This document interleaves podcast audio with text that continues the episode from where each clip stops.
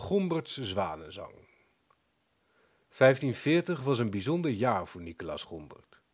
Veertien jaar eerder was hij nog een onbekende koorzanger uit Vlaanderen toen Karel V hem ontdekte op een van diens tochten door het graafschap en hij Gombert opnam in zijn hofkapel.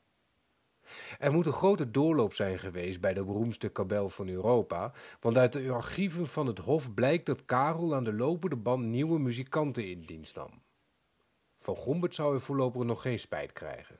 Die promoveerde in een paar jaar van zanger naar magister puerorum, de meester en zangleraar van de jonge koorknapen, en hij werkte zich op tot hofcomponist.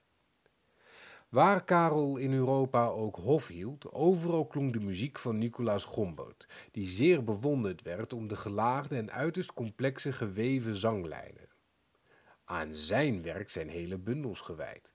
Vooral die andere componisten is het hoogst haalbare deel te zijn van een bloemlezing, met een beetje per vereeuwigd als Anonymous.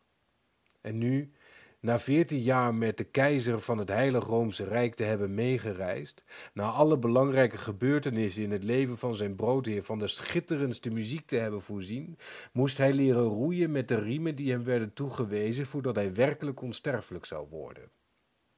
Hij was tot levenslange arbeid op de galeien veroordeeld omdat hij zich had vergrepen aan een van zijn koorknapen. Met twee of drie andere gevangenen naast zich moest Gombert roeien, vastgeketend aan zijn plek waar hij ook zijn behoefte deed. Als je je best deed, kon je verse lucht happen bij de romp, maar geschriften uit die tijd beschrijven dat gevangenen te lusteloos waren om zich te verroeren. Het is onbekend hoe Nicolaas Gompert in deze omstandigheden kans heeft gezien te componeren, maar in de zeven jaar dat hij zijn dwangarbeid uitvoerde, heeft hij zeven magnificats geschreven en deze naar keizer Karel gestuurd. Bronnen melden dat Karel door deze koorstukken zo was ontroerd dat hij Gombert pardoes gratie verleende.